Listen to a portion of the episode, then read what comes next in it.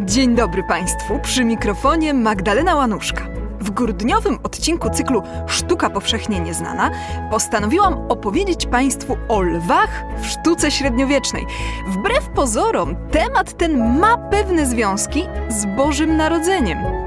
Opowiem dziś Państwu o solarnej symbolice, bo lew to było zwierzę wiązane ze słońcem, zaś starożytne grudniowe obchody narodzin niezwyciężonego słońca zostały z czasem zastąpione świętami na cześć narodzin Jezusa. O co w tym wszystkim chodzi? Zapraszam do słuchania.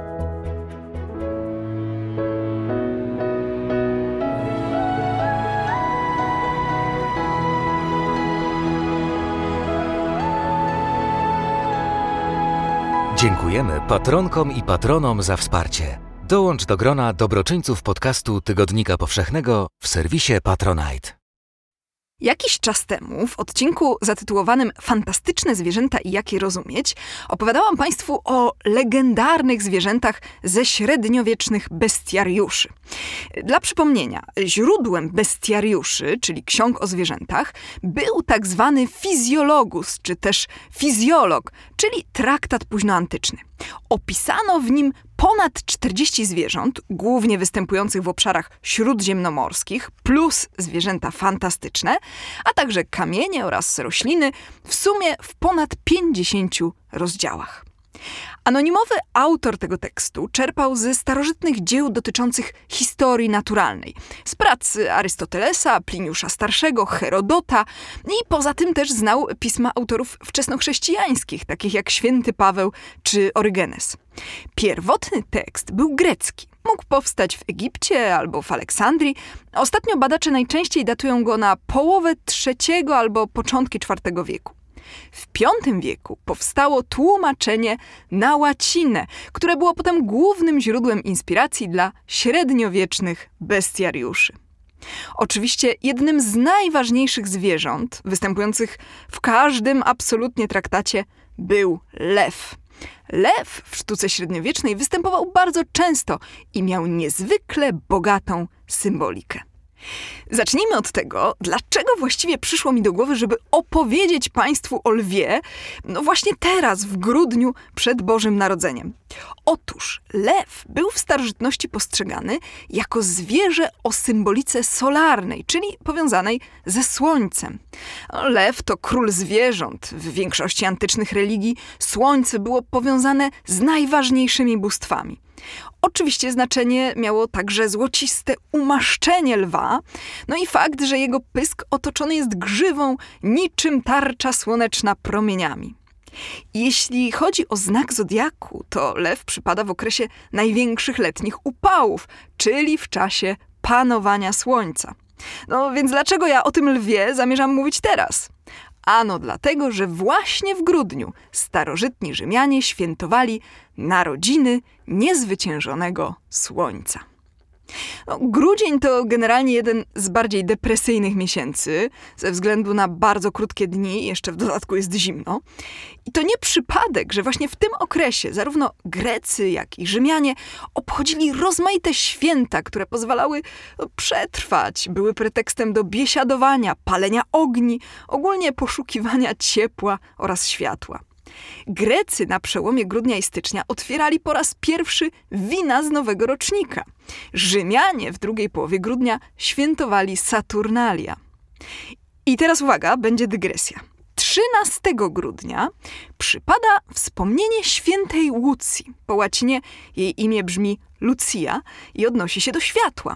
Wedle legendy święta Łucja męczennica została oślepiona – jest ona patronką niewidomych i przedstawiana była z atrybutem w formie pary oczu na talerzu. Staropolskie przysłowie mówi święta łuca dnia przyrzuca. I rzeczywiście jest tak, że około 13 grudnia ma miejsce najwcześniejszy zachód słońca. Od tego momentu po południu dzień już się powolutku wydłuża, chociaż rano wciąż się skraca, więc nie jest to jeszcze moment rzeczywistego zwiększenia ilości światła słonecznego w ciągu doby. Wczesnochrześcijański kult Łucji w Syrakuzach mógł zastąpić kult Artemidy na tych obszarach, jako że pogańska Artemida bywała określana jako światłonośna. Inna kwestia, że w późnym średniowieczu było już takie opóźnienie kalendarza, że w wyniku tegoż przesilenie zimowe zjechało właśnie na okolice wspomnienia świętej Łucji, czyli na pierwszą połowę grudnia. Bowiem wówczas wciąż obowiązywał kalendarz juliański, czyli kalendarz słoneczny, opracowany na życzenie Juliusza Cezara wprowadzony w życie w roku 45 przed naszą erą. Ustalał on długość roku na 365 dni oraz jeden dzień dodatkowy co 4 lata w latach przestępnych, ale ogólnie kalendarz juliański spóźniał się o jeden dzień na 128 lat w stosunku do rzeczywistego kalendarza słonecznego. W XVI wieku opóźnienie było już tak znaczące, że w 1582 roku został wprowadzony w świecie łacińskim kalendarz gregoriański. Zastosowano korektę odnośnie opóźnienia narosłego od 46 roku przed naszą erą i po 4 października 1582 roku nastał 15 października. Dlatego właśnie wspomnienie świętej Teresy z Avila obchodzimy 15 października, chociaż zmarła ona w nocy 4 października, ale to był akurat rok 1582 i ta noc to była noc z 4 na 15 października. No, to była długa noc. I teraz kolejna sprawa. Otóż po reformie w naszym kalendarzu gregoriańskim prześlenie zimowe wypada 21 lub 22 grudnia. Natomiast w kalendarzu juliańskim wypadało z 24 na 25 grudnia. I to właśnie dlatego na tę noc wyznaczona została data Bożego Narodzenia. Stało się to dopiero w IV wieku po Chrystusie i było efektem wielu dyskusji no po prostu nie wiadomo, kiedy faktycznie narodził się Jezus, ale chodziło o to, żeby kult Chrystusa zastąpił kulty pogańskich bóstw. Ponieważ w starożytności 25 grudnia wypadało przesilenie zimowe, no to uważano, że to był dzień narodzin słońca, bo po tej dacie dni stopniowo stawały się coraz dłuższe.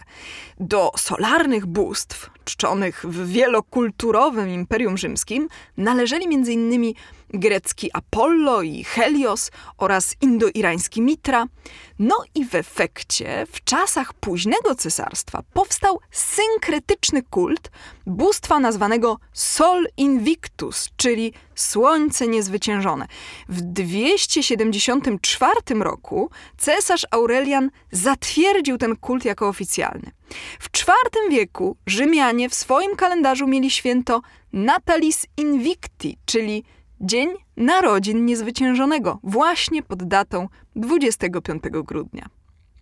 Zastąpienie narodzin niezwyciężonego Słońca narodzinami Jezusa Chrystusa wiązało się oczywiście z utożsamieniem Chrystusa z owym niezwyciężonym Słońcem.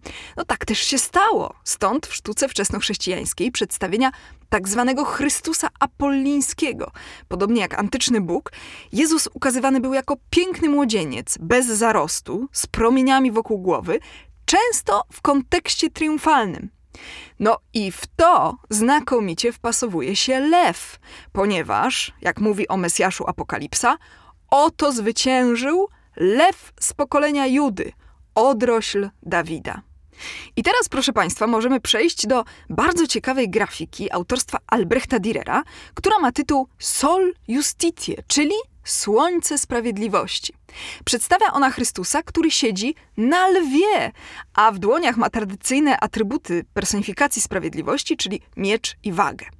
Wygląda, prawdę mówiąc, jakby miał jakieś dziwne okulary, czy wręcz maskę karnawałową. Zobaczcie Państwo sami, reprodukcja jest na stronie mojego podcastu w serwisie Tygodnika Powszechnego. Ale to nie jest żadna maska, tylko to jest gorejące spojrzenie. Ten Chrystus sędzia to jest syn człowieczy opisany w Apokalipsie w rozdziale pierwszym, a oczy jego jak płomień ognia. No a dlaczego to nasze słońce sprawiedliwości siedzi na lwie? Ano dlatego, że wedle opisu biblijnego tron starotestamentowego króla Salomona miał być zdobiony rzeźbionymi lwami.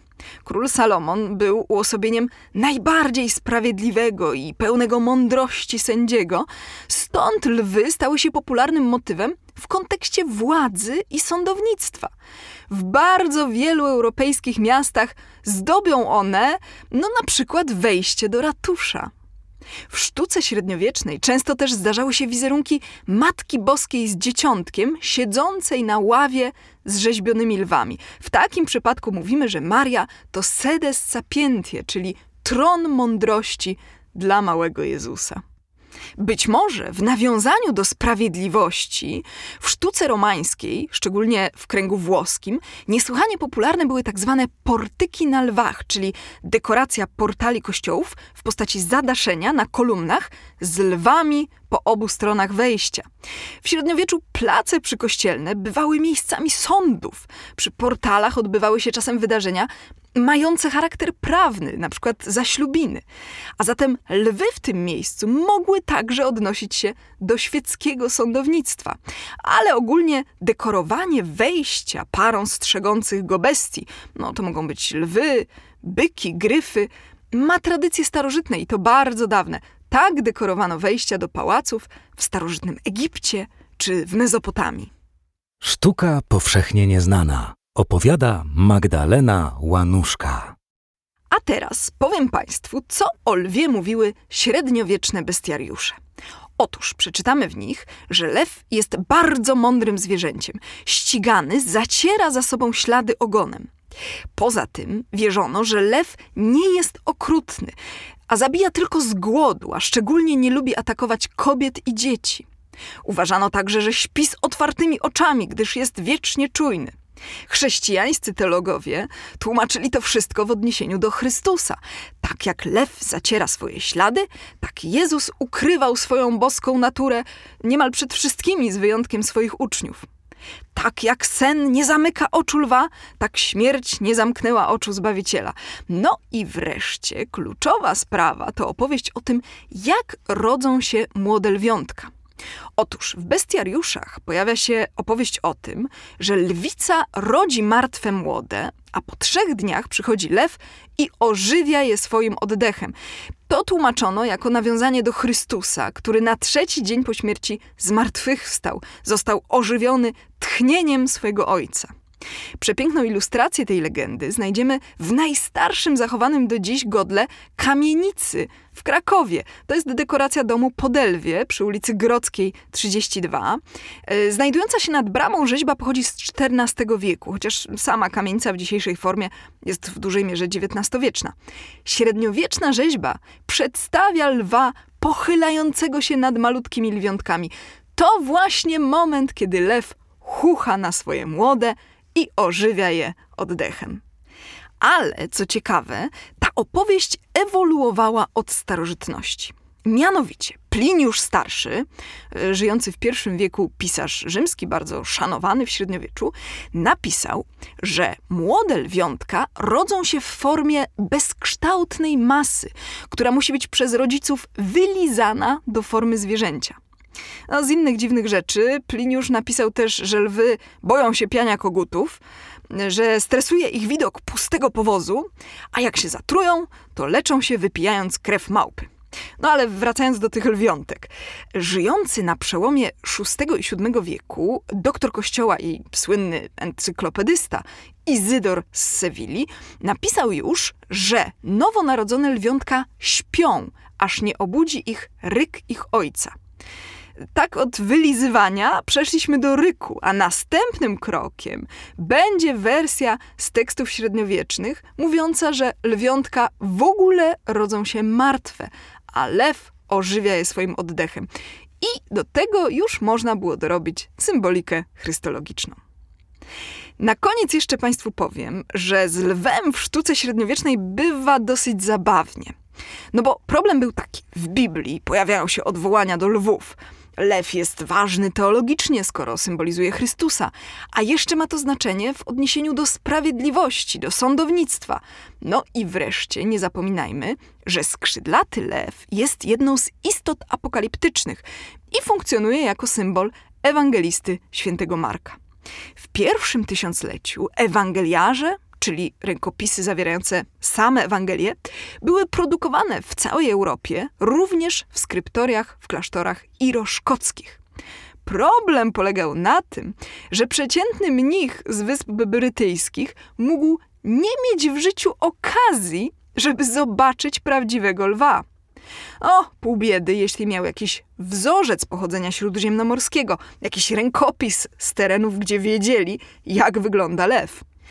Ale najwyraźniej nie zawsze tak było. Oto na przykład mamy przepiękną księgę z Darrow. E, to jest prawdopodobnie najstarszy zachowany dekorowany ewangeliarz irlandzki, datowany na VII wiek, dziś przechowywany w Trinity College Library w Dublinie. I tam każdą z czterech Ewangelii otwiera karta z całostronnicową ilustracją, ukazującą symbol danego ewangelisty. Dla Jana jest to orzeł, dla Mateusza postać ludzka, dla Łukasza wół. No i te jeszcze jakoś wyglądają ale lew Marka zupełnie nie przypomina lwa. Raczej wygląda jak jakiś ognisty wilk albo wilkoniedźwiedź. Północnoeuropejski iluminator najwyraźniej wyczytał, że lew ma złociste umaszczenie niczym promienie słońca, ale też, że to majestatyczna i groźna bestia. No to mu wyszło, że pewnie trochę wilk, a trochę niedźwiedź. Reprodukcję tego zupełnie niezwykłego przedstawienia lwa oczywiście już teraz zobaczycie Państwo na stronie mojego podcastu w serwisie Tygodnika Powszechnego.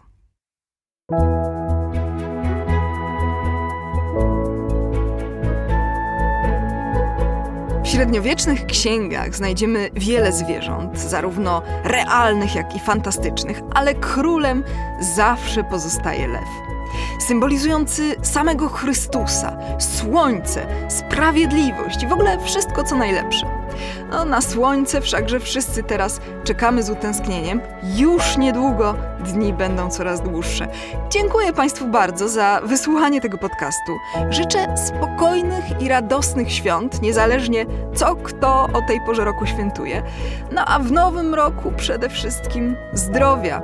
Do usłyszenia ponownie w 2022. Magdalena Łanuszka.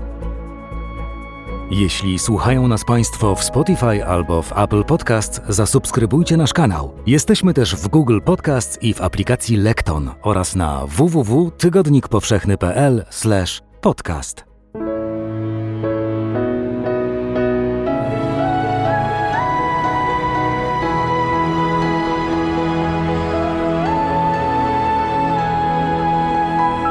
Podcast powszechny.